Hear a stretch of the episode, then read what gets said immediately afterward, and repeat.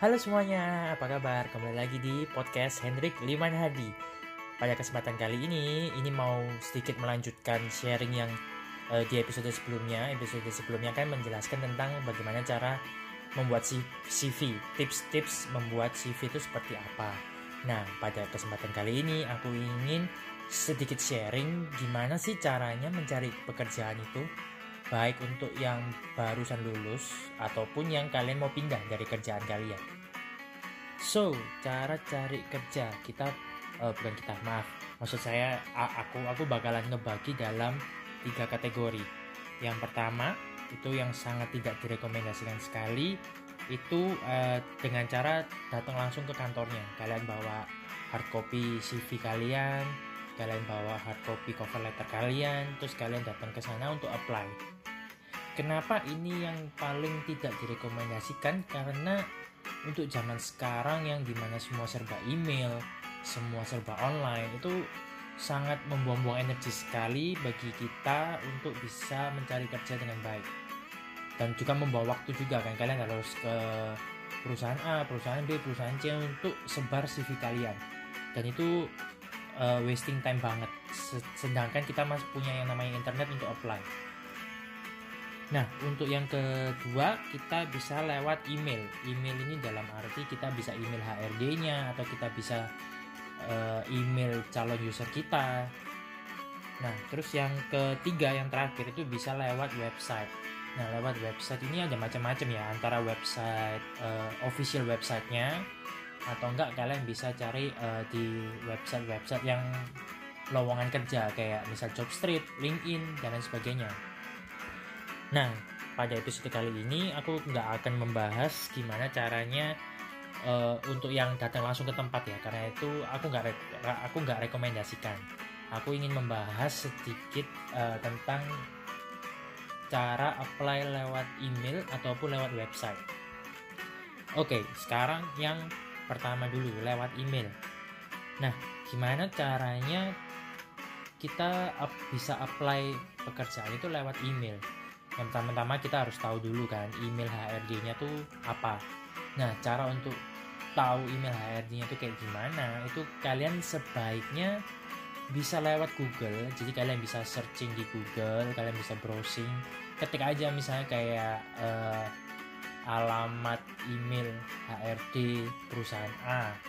Atau enggak kalian juga bisa cari di biasanya tuh di ini ya di official websitenya kalian bisa cari itu ada alamat email kayak kontak us itu kan dia mereka pasti uh, kebanyakan tuh ngasih alamat emailnya. Nah kalian bisa kopas alamat emailnya dan kalian bisa kirimkan ke sana. Dan untuk sedikit reminder buat kalian ketika kalian itu uh, mencari informasi tentang email HRD-nya ya kalian harus ingat email HRD-nya itu tuh seperti apa karena banyak sekali kasus-kasus penipuan yang mengatasnamakan perekrutan suatu perusahaan.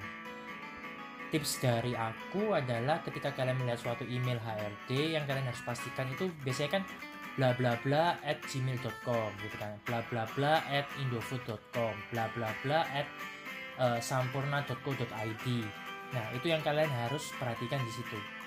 Uh, untuk alamat email yang asli itu kalau untuk perusahaan besar ya terutama itu pasti sesudah add ya sesudah add itu pasti nama perusahaannya. Misalnya kayak Sampurna. Sampurna pasti bla bla bla at sampurna.co.id kalau untuk BCA itu pasti bla bla bla at bca.co.id kalau selain itu kalian perlu waspada itu mungkin kalian bisa salah kirim ke alamat-alamat email yang uh, tujuannya untuk menipu kalian. Nah terus untuk isi dari email kalian. Uh, ini aku sempat baca juga ya di Twitter gimana uh, anaknya Jokowi kan juga pernah nge-tweet ya tentang uh, dia ngasih screen capture tentang orang yang mau melamar pekerjaan di perusahaannya dia. Itu kan mereka cuma di, di screenshot itu kalau nggak salah inget dia cuma ngasih langsung uh, lampirannya aja. Jadi kayak langsung dikirimin CV dikirimin apa tanpa diisi apa pun dari situ. Nah buat kalian yang fresh graduate itu kalian harus memperhatikan tata cara beremail dengan benar. Untuk yang seperti yang barusan aku katakan itu itu sangat salah total gitu. Karena karena itu nggak menunjukkan uh, keprofesionalitasan kalian untuk melamar kerja. jadi kalian harus uh, belajar tata bahasa email yang benar ya kalian bisa sapa mereka ya kan kayak misalnya uh, dear recruiting manager atau dear hiring manager atau dear siapa pun lah pokoknya yang sopan gitu. Terus kalian bo boleh memperkenalkan sedikit kalian itu siapa kalian lulusan mana ya kalau kalau fresh graduate. Atau kalau mau pindah kalian uh, bisa tulis di sana sekarang kalian bekerja di mana. Ini ini cuma contoh ya jadi nggak nggak paten harus kalian tiru ini cuma contoh aja. Seperti itu. Nah e, kalian bisa bilang kalian ingin apply posisi apa itu harus ada. Dan jangan lupa kalian juga bisa menambahkan kalian tuh juga open untuk e, posisi yang lain bukan posisi e, maksudnya itu kalian bisa menerima kalau misalnya ada posisi yang lain selain yang kalian sebutkan. Dan jangan lupa yang penting juga itu kata penutupnya. Kata penutupnya kalian harus yang terlihat seperti antusias. Uh, terlihat seperti kalian tuh pengen banget dapat jawaban dari mereka gitu. Jadi kasih contoh ya ini kalian juga nggak harus benar-benar tiru 100% misalnya contohnya uh, kalau bahasa Inggrisnya I'm looking forward to hear from you misalnya kayak gitu. Atau enggak kalau pakai bahasa Indonesia juga nggak apa-apa kayak uh, saya uh, kan saya akan tunggu kabar baiknya kayak gitu misalnya. Itu kalian bisa gunakan itu sebagai kata-kata penutup supaya tuh terkesan oh orang itu niat untuk apply kerja. Nah itu tadi adalah cara-cara lewat email. Email langsung ke HRD-nya sekarang kalau misalnya kalian mau apply lewat website entah itu official website atau kayak uh, Jobstreet kayak LinkedIn gitu ya. Nah kalau sharing dari aku dari apa yang sudah aku pernah alami dan dari uh, cerita-cerita waktu aku digembleng ya digembleng dalam tanda petik sama CC ku itu yang aku bisa kasih saran ke kalian. Yang pertama jangan fokus sama kriteria-kriterianya kan tuh ada kan misalnya posisi accounting requirementnya apa aja. Nah itu kalian jangan fokus di requirementnya. Karena apa? Requirementnya itu cuma sebatas requirement gitu. Itu sangat bisa ditoleransi sekali. Contoh untuk fresh graduate misalnya. Untuk fresh graduate kalian jangan takut mengapply ya jika kriteria atau requirementnya itu mencantumkan butuh pengalaman 1 sampai 3 tahun di bidang itu. Nah, kenapa? Karena dalam jangka waktu 1 sampai 3 tahun itu itu fresh graduate sangat welcome sekali untuk bisa menggantikan posisi itu karena 1 sampai 3 tahun itu kurang berarti gitu. Maksud maksudnya kurang berarti itu kayak gimana ya? mungkin dengan kata lainnya tuh pengalamannya masih kurang banget gitu kan itu kan otomatis tuh jabatannya pasti uh, staff ya bukan jabatan supervisor kalau supervisor tuh biasanya lima tahun ke atas tuh supervisor manager tuh pasti 5 6 7 tahun ke atas. Uh, dan kalau udah 5 6 7 tahun ke atas kalian ya jangan apply karena nggak mungkin keterima di situ. Itu tadi yang pertama ya untuk fresh graduate 1 sampai 3 tahun kalian jangan khawatir kalian bisa apply di situ. Karena logikanya adalah Eh, ketika misalnya kalian yang punya perusahaan ya kalian ingin hire seseorang yang satu udah punya pengalaman tiga tahun yang satu tuh fresh graduate nah otomatis uh, yang satu saya yang punya pengalaman sampai tiga tahun ini itu pasti akan minta bayaran lebih tinggi karena dia pasti punya pengalaman gitu kan nah sedangkan untuk fresh graduate sendiri kan mereka nggak punya pengalaman otomatis uh, gaji salarynya pasti lebih rendah daripada yang punya pengalaman Nah, ketika kalian mempunyai perusahaan, kalian pasti akan menimbang-nimbang hal itu kan. Nah, antara kalian ingin uh, memberi sesuatu yang lebih tinggi, tapi hasilnya belum tentu baik juga kan. Kan uh, kinerja seseorang itu bisa dinilai ketika mereka sudah bekerja. Nah, sedangkan kalau fresh graduate kita bisa mendidik mereka dari awal sehingga bisa menjadi bagus kemudian. Ini adalah uh, perbandingan-perbandingan kenapa uh, kriteria experience 1 sampai 3 tahun itu bisa digantikan dengan fresh graduate itu tadi. Terus yang kedua yang sering kali menjadi kesalahan untuk para pemula alias fresh graduate itu adalah kalau misalnya ya kalian masuk ke dalam uh, official websitenya perusahaan A terus kalian lihat uh, bagian karirnya karirnya kalian lihat oh mereka cuma open di bagian accounting misalnya kayak gitu Nah kalian tuh jangan takut untuk apply gitu. Mau apply apply aja karena apa? Karena kalau misalnya ini ini untuk perusahaan besar ya terutama untuk perusahaan besar. Kenapa kalau misalnya cuma accounting tuh apply aja meskipun kalian nggak minat di sana. Nah karena kebanyakan dari perusahaan-perusahaan besar itu dalam tanda petik males untuk untuk buat uh, lowongan pekerjaannya tuh banyak sekali jadi misalnya mereka tuh males masukin accounting, masukin finance, masukin sales, masukin marketing itu males sekali gitu. Jadi mereka lebih baik ngasih aja beberapa, nanti kalian apply, nanti mereka yang akan seleksi sendiri kalian cocoknya di mana. Makanya uh, kan banyak dari teman-teman kalian mungkin atau dari senior-senior kalian, kalian lulusan apa, kerjanya apa itu sangat melenceng sekali ya karena itu gitu. Dan juga yang berikutnya itu kalau misalnya ya ada kriteria yang uh, dia tuh bilang lebih mengutamakan lulusan accounting. Ya kalian jangan takut kalau kalian bukan lulusan accounting gitu loh. Karena kan tulisannya cuma uh, lebih mengutamakan gitu. Kalau misalnya yang lulusan accounting itu ternyata CV-nya lebih jelek daripada CV kalian ya kalian yang masuk gitu jadi jangan terpaku dengan kriteria-kriteria itu kecuali dia nulis nih kalau selain accounting tidak akan kami terima. Ya udah ya udah jangan gitu kan. Atau kalian kalau mungkin masih mau nekat bisa kalian apply aja siapa tahu kan gitu. Terus yang terakhir yang terakhir itu kalau misalnya kalian lewat LinkedIn ya kalian lewat LinkedIn kalian lewat, lewat job street itu biasanya kan kalian kayak disuruh ngisi profil kalian gitu loh kayak di Facebook nah itu kalau bisa itu harus diperbagus banget di situ. Jika kalian masukin foto yang terlihat profesional kalian masukin data kalian yang uh, yang bagus yang rapi di situ kalian semua perjelas semua sedetail mungkin apa yang kalian sudah pernah alami apa yang kalian sudah pernah uh, achieve. Itu kalian tulis semua secara jelas di situ apa yang bisa kalian jual gitu. Karena apa? Percayalah yang cari kerja sama cari orang tuh setara perbandingannya. Jadi kak kalian mau cari kerja sama HRD mau cari orang itu tuh sama banyaknya.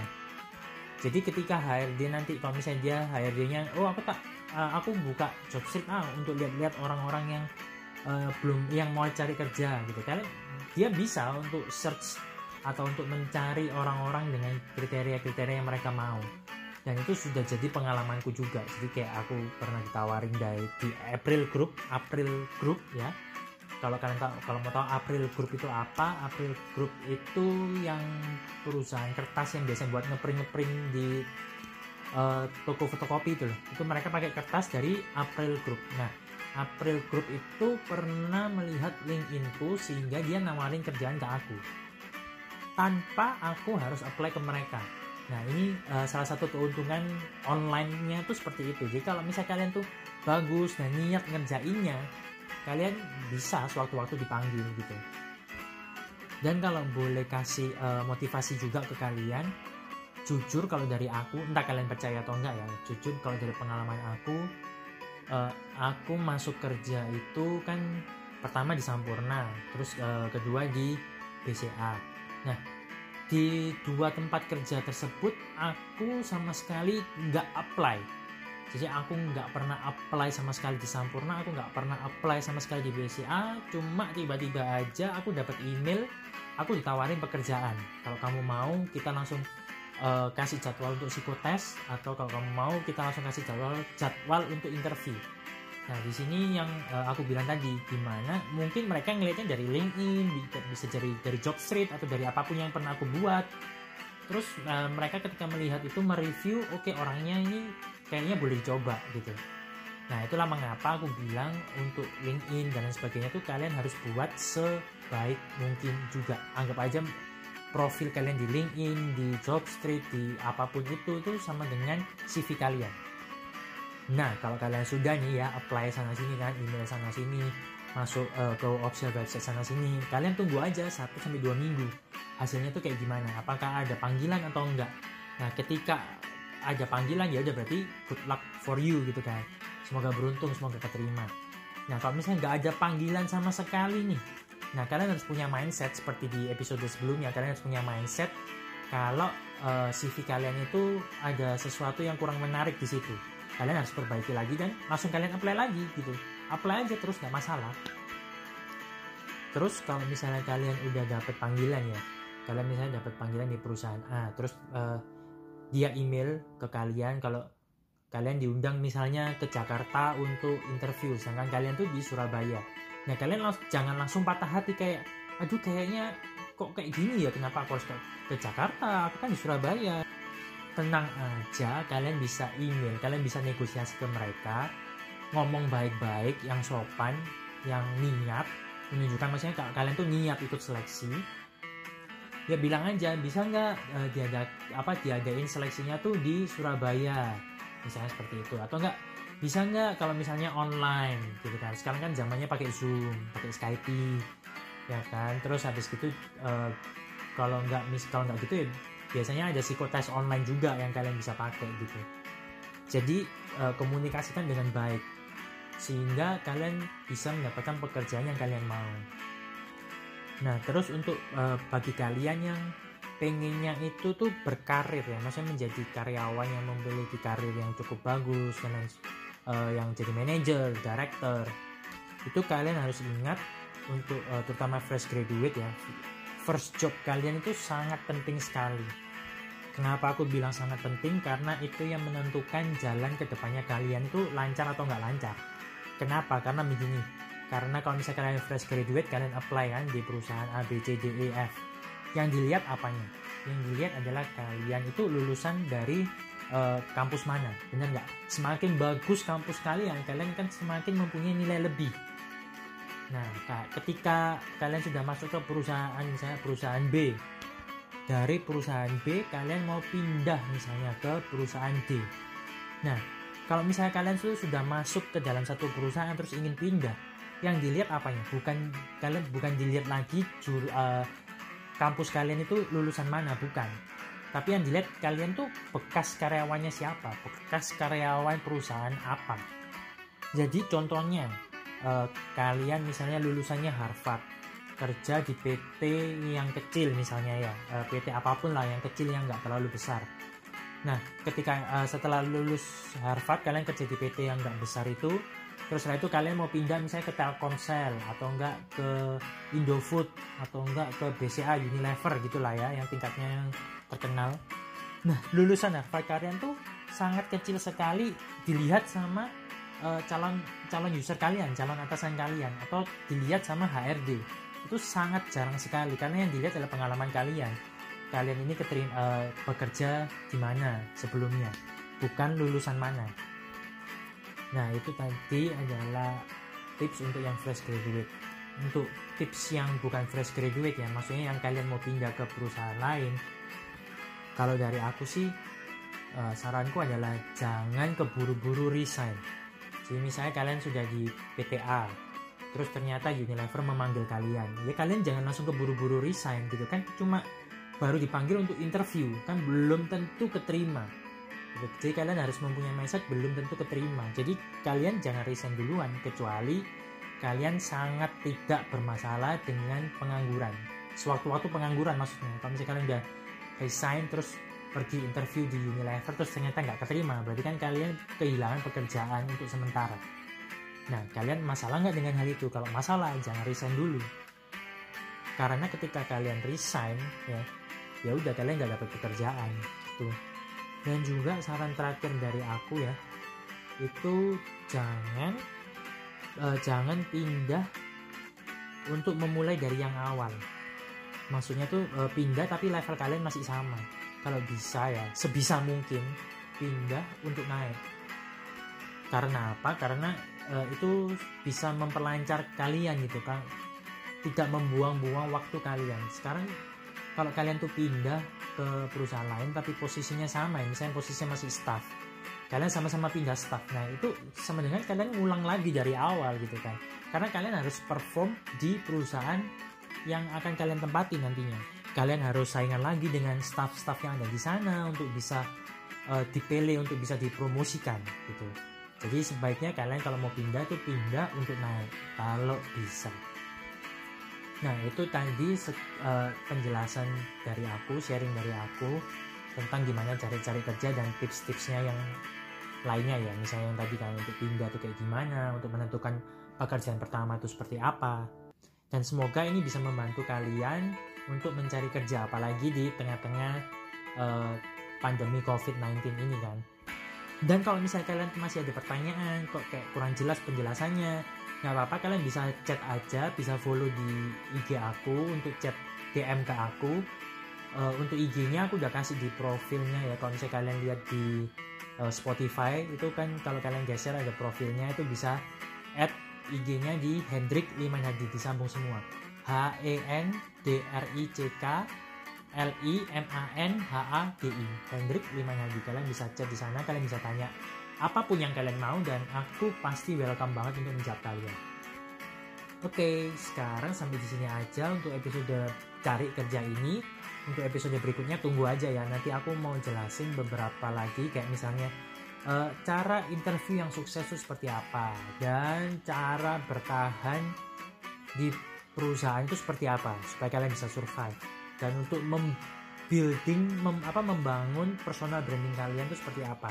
Ke depannya aku bakal membahas tentang topik-topik itu. Jadi tungguin aja untuk topik-topik berikutnya pasti menarik-menarik untuk kalian dengar. Sampai jumpa semuanya